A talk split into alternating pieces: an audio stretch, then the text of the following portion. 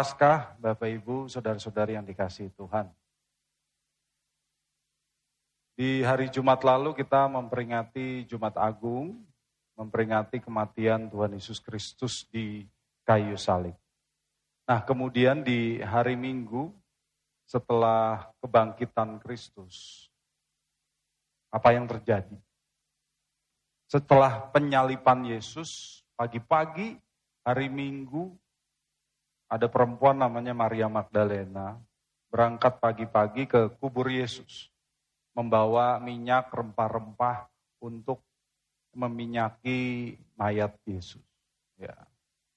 Biasa kita berpikir ah, ini biasa saja, kan orang biasa saja mau mengenang dan menghormati gurunya yang baru meninggal.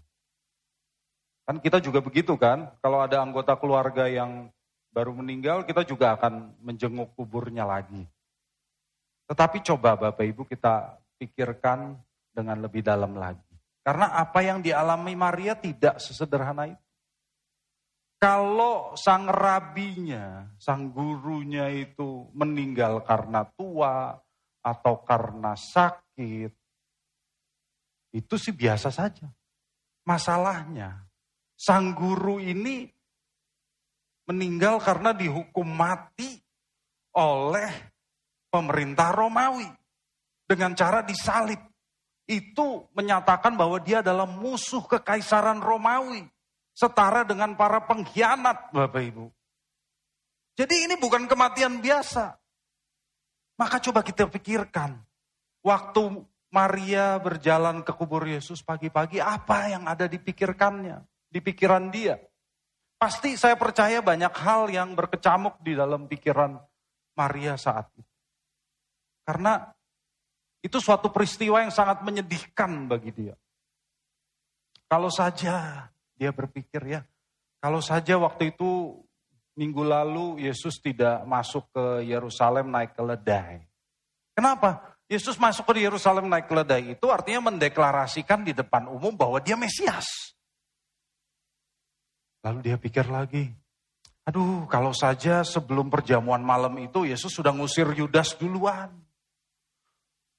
Kalau saja Yesus sesudah perjamuan malam tidak ke Taman Getsemani.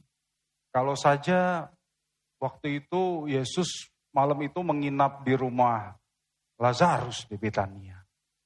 Kalau saja Petrus bisa melindungi Yesus dengan pedangnya, mengusir orang-orang Romawi yang mau menangkapnya.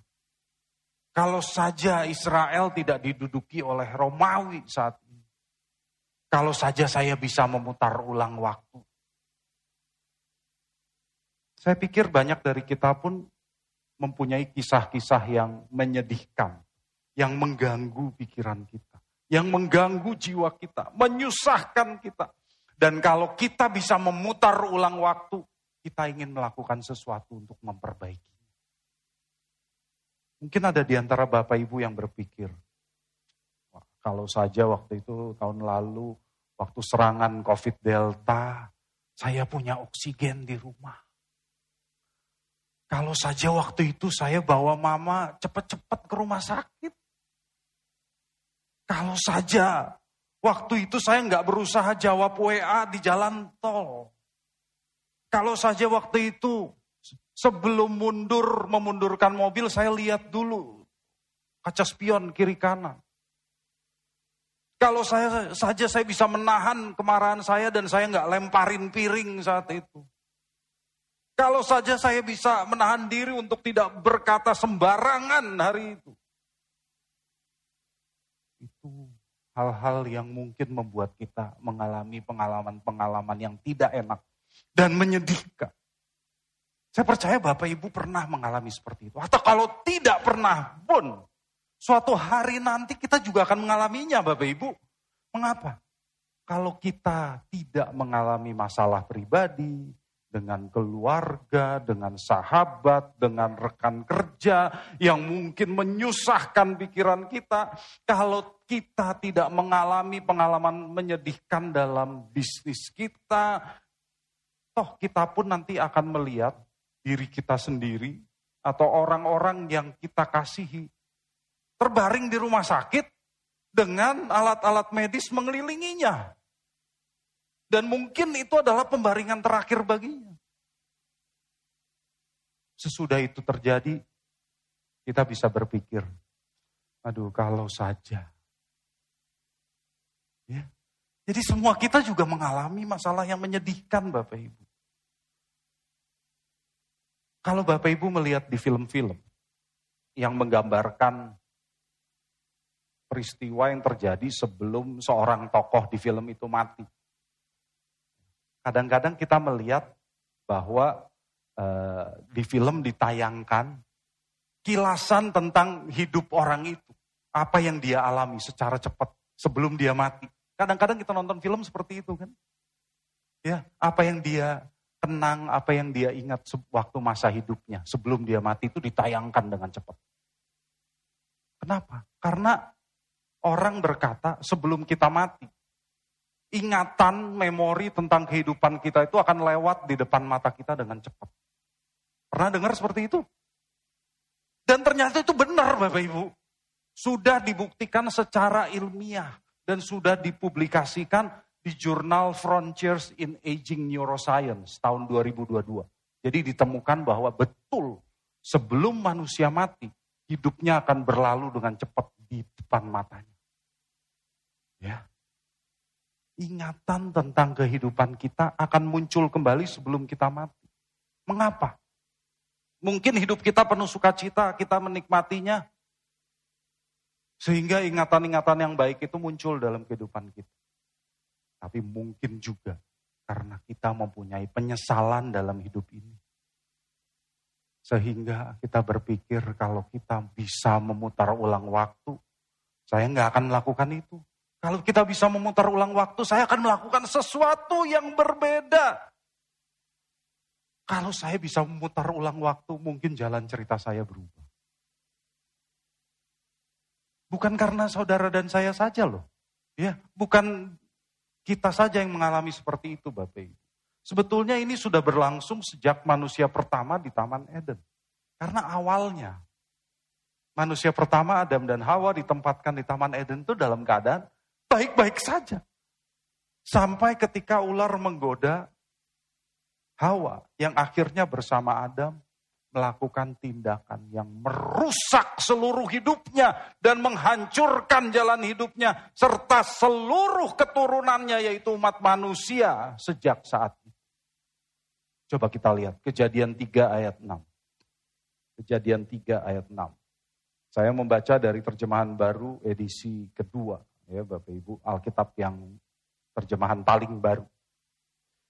Perempuan itu melihat bahwa buah pohon itu baik untuk dimakan dan menarik untuk dipandang. Lagi pula pohon itu diminati karena memberi pengertian. Lalu ia memetik buahnya dan memakannya. Ia memberikannya juga kepada suaminya yang bersamanya. Dan suaminya pun memakannya. Bapak ibu saudara-saudari yang dikasih Tuhan. Itulah kesalahan pertama yang terjadi di Taman Eden. Yang mungkin disesali oleh Adam dan Hawa. Terus menerus dalam kehidupan mereka sampai mereka mati. Karena itu, itu menjadi suatu kutuk yang terus menerus diulang oleh keturunannya sampai dengan Bapak Ibu dan saya hari ini. Ya, kita terus menerus melakukan tindakan yang salah, keputusan yang salah. Termasuk saya yang ber, berdiri di mimbar ini Bapak Ibu. Sekalipun saya berkhotbah dan menjadi pendeta, bukan berarti saya sudah sempurna dan tidak berbuat kesalahan lagi. Saya pun masih membuat keputusan-keputusan yang salah. Saya pun masih kurang bijaksana dalam berbagai hal. Dan itu juga bisa membuat saya menyesal dan berpikir, kalau saja Ya, saya juga manusia sama seperti Bapak Ibu. Tapi kita melihat bahwa dalam kisah Paskah, Kristus yang sudah bangkit itu benar-benar menang. Dan dia menang atas kutuk yang diakibatkan oleh dosa dan kesalahan yang dilakukan oleh Adam dan Hawa pada waktu. Mari kita lihat. Yohanes 20 ayat 1 dan 2. Yohanes 20 ayat 1 dan 2. Pada hari pertama minggu itu, pagi-pagi benar ketika hari masih gelap. Pergilah Maria Magdalena ke kubur itu dan ia melihat bahwa batu penutupnya telah diambil dari kubur. Ia berlari-lari mendapatkan Simon Petrus dan murid yang lain yang dikasihi Yesus dan berkata kepada mereka, Tuhan telah diambil orang dari kuburnya dan kami tidak tahu di mana ia diletakkan. Bapak Ibu, pagi itu Maria Magdalena pergi ke kubur Yesus dan dia melihat bahwa batu kuburnya sudah terguling. Padahal batu itu berat sekali Bapak Ibu. Dia pikir wah ini kubur Yesus pasti dirampok orang. Padahal tidak ada barang berharga di dalamnya. Jadi apa yang mau diambil selain mayat Yesus? Dia melihat tubuh Yesus sudah nggak ada di situ, tinggal ada kain kafan. Maka dia segera berlari-lari pulang melapor kepada Petrus dan Yohanes. Petrus dan Yohanes bergegas ke kubur untuk melihat bahwa apa yang dilaporkan oleh Maria itu betul. Kemudian mereka kembali pulang untuk menyampaikannya kepada murid-murid yang lainnya. Setelah Petrus dan Yohanes pulang untuk mencari murid-murid lainnya, apa yang dilakukan oleh Maria? Coba kita lihat ayat 11 dan 12. Namun Maria berdiri di luar kubur itu dan menangis.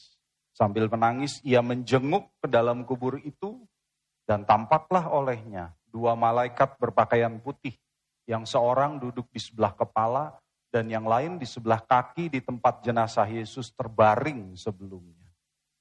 Bapak Ibu yang dikasih Tuhan, Maria berdiri di luar sambil menangis. Dan dia melongok ke dalam kubur. Dia tahu Yesus nggak ada di sana. Tapi sebetulnya di dalam hati dia masih bisa berharap bahwa yang dilihatnya itu adalah tubuh Yesus, mayat Yesus yang sudah terbaring kaku. Itu yang diharapkan olehnya untuk melihat. Tetapi dia sangat kaget karena yang dilihatnya bukan mayat. Melainkan ada dua malaikat. Itu bukan sesuatu yang diharapkan untuk dilihat oleh Maria. Karena dia tahu pasti kutuk yang dijatuhkan atas manusia pada saat Adam dan Hawa berdosa dengan makan buah pohon pengetahuan tentang yang baik dan yang jahat. Kutuknya apa? Coba kita lihat. Kejadian 3 ayat 17 sampai 19. Kejadian 3 ayat 17 sampai 19. Lalu firmannya kepada Adam, karena engkau mendengarkan perkataan istrimu dan makan buah dari pohon yang telah kuperintahkan kepadamu, jangan makan darinya. Maka terkutuklah tanah karena engkau, dengan susah payah engkau mencari makan, dan tanah itu, dari tanah itu seumur hidupmu. Semak dan semak duri dan rumput duri akan ditumbuhkannya bagimu, dan tanaman ladang akan menjadi makananmu dengan cucuran keringat, engkau akan mencari makan sampai engkau kembali menjadi tanah, karena dari situlah engkau diambil. Sebab engkau debu, engkau akan kembali menjadi debu. Bapak Ibu yang dikasih Tuhan. Setelah Adam dan Hawa melanggar perintah Allah, maka tubuh mereka terkutuk. Adam itu artinya tanah, Bapak Ibu. Jadi tubuh mereka terkutuk dan karena tubuh mereka dari tanah, tanah juga terkutuk. Mereka dikatakan akan kembali menjadi debu. Artinya mereka akan mati. Mereka akan mati, tubuhnya akan rusak, membusuk, dan akhirnya hilang, habis. Maria berharap menemukan Yesus sekalipun tubuh Yesus rusak. Ya memang tubuh Yesus sudah rusak dalam kondisi yang hancur pada saat dia disiksa dan disalibkan. Tapi kalau Maria melihat meskipun rusak pun dia tahu ada sang rabi di sana. Itu yang diharapkan. Sekalipun dia tahu tubuh itu rusak. Itu yang dia harapkan. Juga setelah Adam dan Hawa melanggar perintah Allah, tanah terkutuk.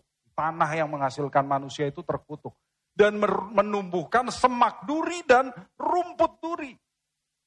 Dari duri itulah yang dikenakan di atas kepala Yesus. Yang menusuk kepalanya, yang selalu memikirkan hal-hal yang berkenan kepada Bapa. Kepalanya ditusuk dengan duri-duri mahkota duri di atas kepala. Apakah Bapak Ibu melihat ada kaitan antara mahkota duri itu dengan semak duri yang ditumbuhkan sebagai kutuk buat manusia? Jadi Bapak Ibu, saat Tuhan Yesus dibangkitkan, dia menang atas kutuk maut dan dia membatalkan kutuk maut itu.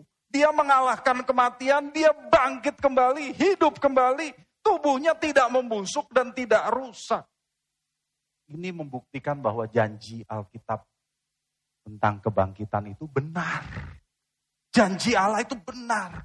Putranya dibangkitkan. Dan itu berarti Bapak Ibu pun akan dibangkitkan sesuai janjinya bahwa kita pun akan beroleh kebangkitan dari antara orang mati. Amin. Jadi kutuk itu sudah dibatalkan oleh Yesus.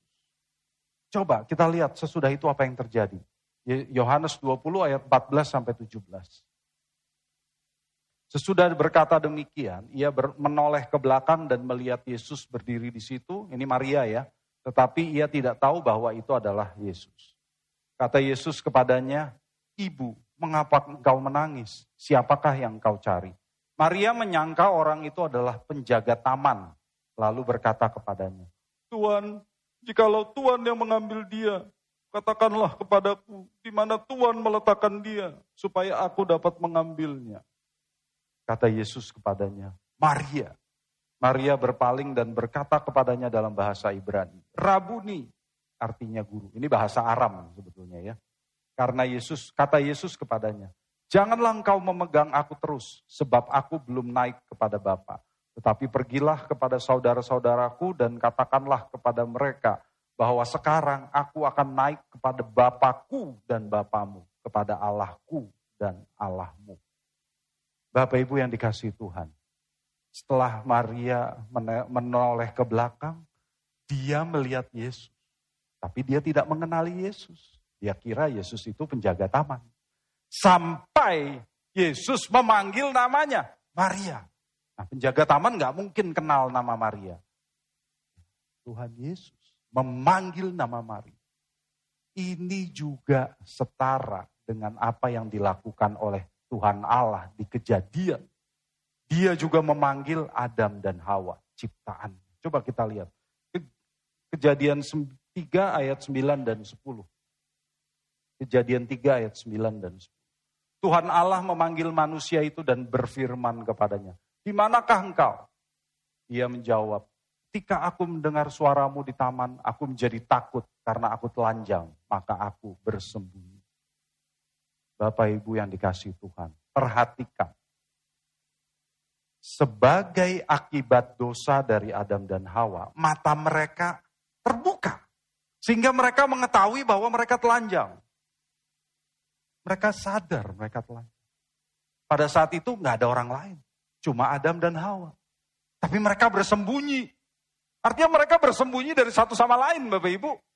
Dan lebih lagi dari itu mereka bersembunyi dari Allah. Dosa mengakibatkan rusaknya hubungan antara manusia dengan manusia dan juga antara manusia dengan Allah. Maka saat Bapa memanggil, Allah memanggil, Adam, di mana engkau? Hawa, di mana engkau? Apa yang terjadi? Mereka sembunyi, ngumpet, mereka takut tidak mau menemui Allah. Dan kita tahu apa yang terjadi. Akhirnya Adam dan Hawa diusir keluar dari Taman Eden. Mereka mati secara rohani. Karena mereka terpisah dari Allah. Dosa membuat manusia terpisah, terasing satu sama lain dan juga terasing dari Allah. Itulah kutuk yang berikutnya. Manusia terkutuk karena terpisah dari Allah. Tetapi setelah Tuhan Yesus bangkit, yang terjadi sangat berbeda. Dia memanggil Maria, Maria. Dia memanggil nama Maria dan Maria menyadari bahwa itu adalah Tuhan Yesus. Dia segera mendekati Yesus dan mau memeluknya. Dia mau berkata, syukurlah engkau hidup Rabi. Itu yang mau dia katakan. Yesus memanggil Maria. Maria tidak takut dan tidak malu untuk mendekati Yesus. Tapi Yesus berkata, udah, udah, jangan pegang aku terus. Ya, aku punya tugas buat kamu.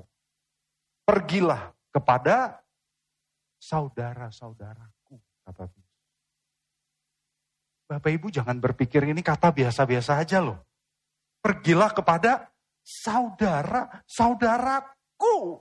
Yang disebut Tuhan Yesus sebagai saudara-saudaraku itu adalah para murid yang sedang bersembunyi seperti Adam dan Hawa.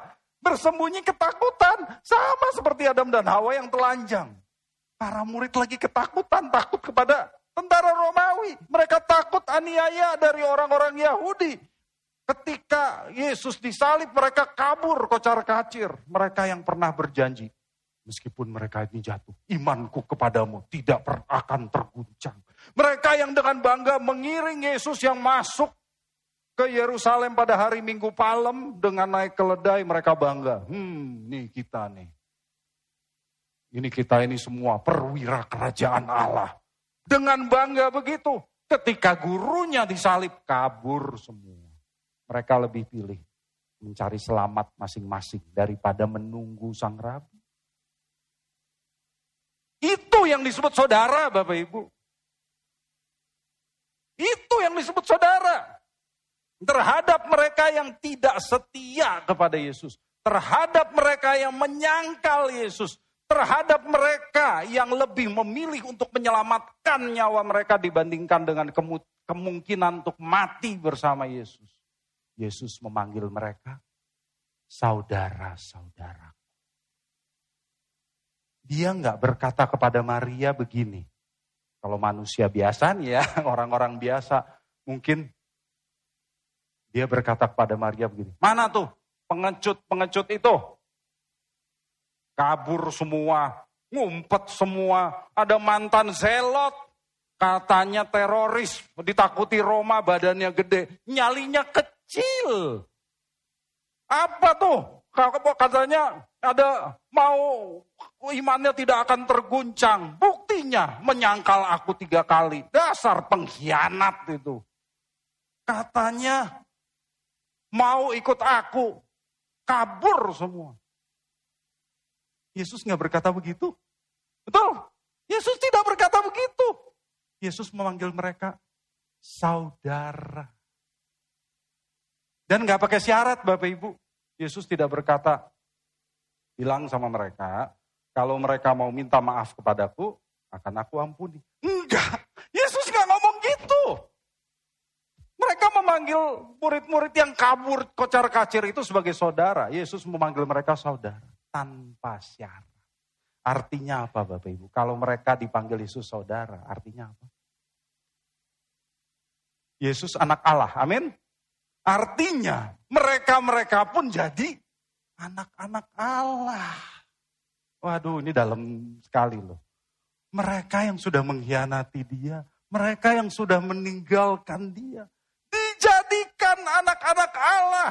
Pengecut dan pengkhianat itu dijadikan anak-anak Allah Bapak Ibu. Artinya apa? Tuhan Yesus sudah membatalkan kutuk keterpisahan manusia dari Allah. Amin sudah tidak terpisah lagi sekarang. Dia menang atas kutuk yang mengakibatkan manusia terpisah dari Allah. Dan kita sekarang sebagai manusia yang dikatakan Yesus saudara-saudaranya. Bisa datang kembali kepada Allah. Secara langsung kita yang tadinya diusir dari Taman Eden itu sekarang bisa menjumpai Allah Bapa. Dan ketika kita menjumpai dia, dia akan menyambut kita dengan berkata, Hai anakku, dia mengatakan kita anak Bapak Ibu. Kita yang pengkhianat, kita yang pemberontak ini dipanggil anak oleh Bapak. Kebaikan Allah itu luar biasa. Allah kita tuh luar biasa baik Bapak Ibu. Kalau Bapak Ibu takut dan berpikir Allah kita itu kejam, jahat, itu salah. Allah kita tuh sangat baik. Coba kita lihat. Dan melalui pengorbanan Kristus dan kebangkitannya, kita yang tadinya pemberontak ini diangkat jadi anak. Bapak Ibu, setelah setelah kutuk keterpisahan manusia dengan Allah ini dipatahkan oleh Kristus. Apa yang harus kita lakukan? Tanggung jawab kita adalah memulihkan hubungan antara manusia dengan manusia. Kutuk itu memisahkan manusia dengan Allah dan juga manusia dengan manusia. Jadi jangan seperti Adam dan Hawa yang sembunyi satu sama lain. Kalau Tuhan Yesus sudah mengampuni dan menerima kembali para murid yang sudah meninggalkannya di kala dia sengsara dan hampir mati, kita juga harus meneladaninya. Kita harus meneladaninya. Jadi terhadap orang-orang yang meninggalkan kita, terhadap orang-orang yang menyengsarakan kita, terhadap orang-orang yang dekat dengan kita pada saat dia mereka punya kebutuhan, tetapi pada saat kita sedang susah, mereka meninggalkan kita. Pada saat kita hampir mati, mereka meninggalkan kita. Pada saat kita bangkrut, mereka tinggalin kita. Bisakah kita berkata kepada mereka dengan tulus seperti Yesus? Saudara saudaraku. Artinya apa? Tidak ada sakit hati lagi. Tidak ada kepahitan lagi. Tidak ada dendam lagi. Ingat, dalam doa Bapa kami Tuhan Yesus mengajar, ampunilah kami dari kesalahan kami. Seperti kami juga mengampuni orang yang bersalah kepada kami. Dan peringatan kerasnya di Matius 6 ayat 14 dan 15. Karena Jikalau kamu mengampuni kesalahan orang, Bapamu yang di surga akan mengampuni kamu juga. Namun jikalau kamu tidak mengampuni orang, Bapamu juga tidak akan mengampuni kesalahan.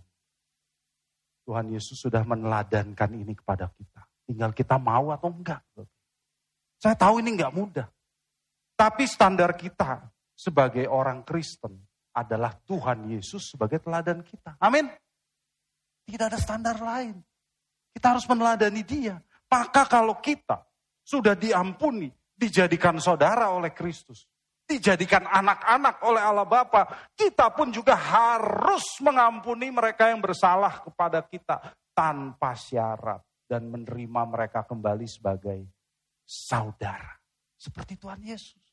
Kalau kemenangan Kristus bagi kita membatalkan kutuk keterpisahan kita dengan Allah, kita pun harus membatalkan keterpisahan kita dengan sesama kita. Amin. Bapak Ibu, ini tidak mudah saya tahu. Tapi kita harus berusaha dan kalau roh kudus beserta dengan kita, kita pasti bisa. Pada saat Maria melihat Yesus dan mau memeluknya karena girang melihat Yesus dalam keadaan hidup dan baik.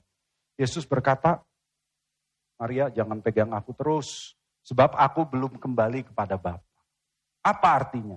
Secara lahiriah, Yesus mau menyampaikan bahwa dia masih bersama-sama dengan Maria dan para murid untuk beberapa waktu. Dia belum kembali kepada Bapa kok. Tenang aja saya masih ada di sini kata Yesus. Tapi ayat ini juga mengatakan mengingatkan kita kepada satu ayat di kitab Mazmur. Ketika Yesus berkata, Maria, jangan pegang aku terus, sebab aku belum naik kepada Bapa. Coba kita lihat, Mazmur 24 ayat 3 sampai 5. Tuhan Yesus itu dalam perkataannya semua menggemakan perjanjian lama Bapak Ibu. Jadi kita harus paham itu ya. Coba kita lihat Mazmur 24 ayat 3. Siapakah yang boleh naik ke atas gunung Tuhan? Siapakah yang boleh berdiri di tempatnya yang kudus? Orang yang bersih tangannya dan murni hatinya yang tidak menyerahkan dirinya kepada yang semu dan yang tidak bersumpah palsu. Dialah yang akan menerima berkat dari Tuhan dan keadilan dari Allah penyelamat. Jadi Bapak Ibu yang dikasih Tuhan, siapa yang benar-benar boleh naik ke atas gunung Tuhan menghadap Bapa? Yesus Kristus Bapak Ibu. Yesus Kristus sendiri. Kebangkitannya dari kematian itu membuktikan bahwa dia sungguh-sungguh bersih tangannya murni hatinya. Dia sungguh-sungguh tidak bercacat celah. Dia sungguh-sungguh tidak berdosa. Sementara kita sebagai manusia yang sejak Adam dan Hawa penuh kesalahan dan dosa kepadanya. Nggak berhak untuk naik menghadap Bapa. Justru Adam dan Hawa itu dihukum karena dosa dan pelanggaran mereka. Dan semua keturunannya sampai dengan kita hari ini menunggu penghakiman Tuhan saat Tuhan, Sang Hakim Agung mengetuk palu. Bersalah. Guilty as charged. Manusia terjerat kutuk dosa. Manusia terjerat hukuman dosa. Tapi di Yohanes 20 ayat 17 tadi, Yesus berkata kepada para murid melalui Maria, Aku akan pergi kepada Bapakku dan Bapakku, kepada Allahku dan. Artinya apa? Allah Bapaknya Yesus menjadi Allah Bapaknya kita. Allah Bapaknya Maria, Allah Bapaknya para murid. Artinya kalau Yesus bisa naik kepada Bapa, kita pun juga bisa naik kepada Bapa. Kalau kita bisa kembali kepada Bapa, karena Yesus sudah kembali kepada Bapa. Artinya apa Bapak Ibu? Dengan kemenangannya, Tuhan Yesus sudah membatalkan dosa, kutuk dosa, dan hukuman dosa. Amin. Dia sudah batalin itu semua. Bagi orang Yahudi dosa dan hukuman dosa itu satu paket.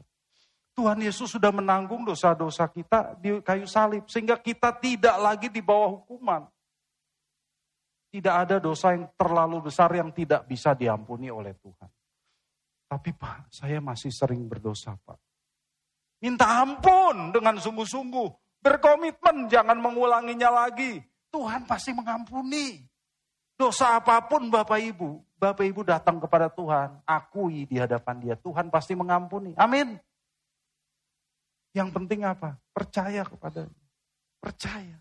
Maka bagi Bapak Ibu yang saat ini mungkin mengikuti di online terutama ya, yang belum menyerahkan diri kepada Kristus, yang masih di bawah bayang-bayang hukuman dosa, saya sampaikan, Tuhan Yesus mengasihi Bapak Ibu. Datang kepada dia. Akui bahwa saudara sesungguhnya tidak layak. Saudara sesungguhnya pantas dihukum. Dan saudara menyadari keberdosaan saudara. Akui bahwa satu-satunya pengharapan saudara untuk selamat adalah dengan menyerahkan diri kepada Yesus Kristus sebagai Tuhan dan Juru Selamat saudara. Minta ampun, bertobat. Minta ampun bertobat, minta belas kasihan dari Tuhan. Tuhan pasti mendengar saudara karena dia membatalkan dosa, kutuk dosa dan hukuman dosa atas saudara. Amin. Kita lihat apa yang terjadi sesudah itu. Yohanes 20 ayat 18. Maria Magdalena pergi dan berkata kepada murid-murid, Aku telah melihat Tuhan. Dan juga berkata, juga bahwa dia yang mengatakan hal-hal itu kepadanya. Bapak Ibu saudara-saudariku yang dikasih Tuhan. Pada pertemuannya dengan Maria Magdalena di pagi, Tuhan Yesus memberikan misi khusus kepada Maria. Orang pertama yang dipakai oleh Tuhan Yesus untuk menyaksikan kebangkitannya adalah seorang perempuan, Bapak. Perempuan yang dipandang rendah oleh orang Yahudi yang patriarkis. Perempuan yang dulu dikuasai tujuh roh jahat Perempuan yang pernah menangis kebingungan saat melihat kubur gurunya kosong. Perempuan yang mengalami kesedihan berat saat melihat gurunya disalib. Tuhan mau memakai dia. Tuhan mau memakai perempuan ini. Tuhan mau memakai Maria. Karena itu Bapak Ibu yang dikasih Tuhan. Apa pun kesalahan yang pernah Bapak Ibu lakukan. Apa pun kesedihan yang pernah Bapak Ibu alami apa pun penyesalan yang Bapak Ibu rasakan. Ingat, Tuhan Yesus sudah menang. Amin. Tuhan Yesus sudah menang dan kemenangannya itu diberikan bagi kita. Dia sudah membatalkan kutuk maut, kutuk keterpisahan dari Allah, kutuk dosa dan hukuman dosa. Dia hendak mengubah hidup kita.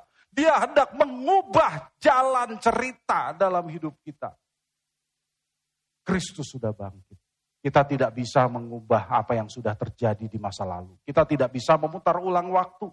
Tapi yang bisa kita lakukan adalah kita harus bangkit. Harus bangkit. Bangkit akibat keterpurukan, akibat dosa. Bangkit dari penyesalan. Bangkit dari kesedihan. Dia hendak menjadikan kita saksi-saksi. Alami dan tunjukkan kepada orang-orang di sekitar kita bahwa Kristus hidup. Apa buktinya? dia hidup di dalam diriku. Dia hidup di dalam diri kita, Bapak Ibu. Tunjukkan kepada sekeliling kita. Kristus hidup. Haleluya, Kristus sudah bangkit. Amin.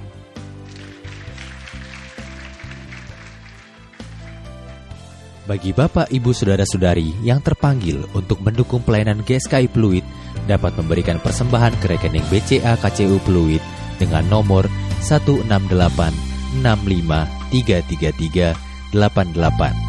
Sekali lagi, 1686533388 atas nama GSKI Pluit. Terima kasih atas dukungan persembahan saudara. Tuhan Yesus memberkati.